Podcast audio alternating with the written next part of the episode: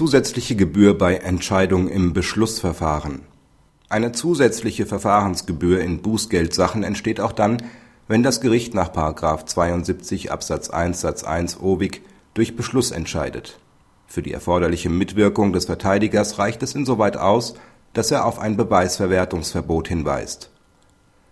Gegen die Betroffene war ein Bußgeldbescheid ergangen Sie hatte durch ihren Verteidiger Einspruch einlegen lassen, so dass die Sache an das zuständige Amtsgericht abgegeben wurde. Dort hatte der Verteidiger in einem Schriftsatz darauf hingewiesen, dass ein Beweisverwertungsverbot bestehe und das Verfahren daher einzustellen sei. Aus diesem Grund hat das Gericht die Betroffene gemäß § 72 Absatz 1 OWIG ohne Durchführung der Hauptverhandlung freigesprochen diese hat sodann die Festsetzung ihrer Verteidigerkosten beantragt, darunter auch eine zusätzliche Gebühr nach Nummer 5115 VV-RVG. Das Gericht hat diese Gebühr abgesetzt. Die hiergegen erhobene Beschwerde hatte Erfolg. Nach Anmerkung 1 Nummer 5 zu Nummer 5115 VV-RVG entsteht eine zusätzliche Gebühr auch dann, wenn das Gericht im schriftlichen Verfahren nach § 72 OWIG durch Beschluss entscheidet wie in allen Fällen der zusätzlichen Gebühr ist es aber erforderlich, dass der Verteidiger mitgewirkt hat. Insoweit hat es das Landgericht als ausreichende Mitwirkungshandlung angesehen, dass der Verteidiger auf das Verwertungsverbot hingewiesen hatte. Aus diesem Grund hat nämlich das Amtsgericht die Betroffene ohne Durchführung einer Hauptverhandlung freigesprochen.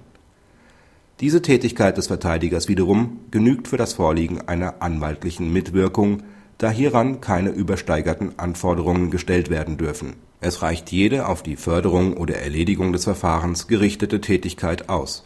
Insbesondere ist keine Ursächlichkeit erforderlich. Kritik Die Entscheidung ist im Ergebnis richtig, nicht jedoch in ihrer Begründung.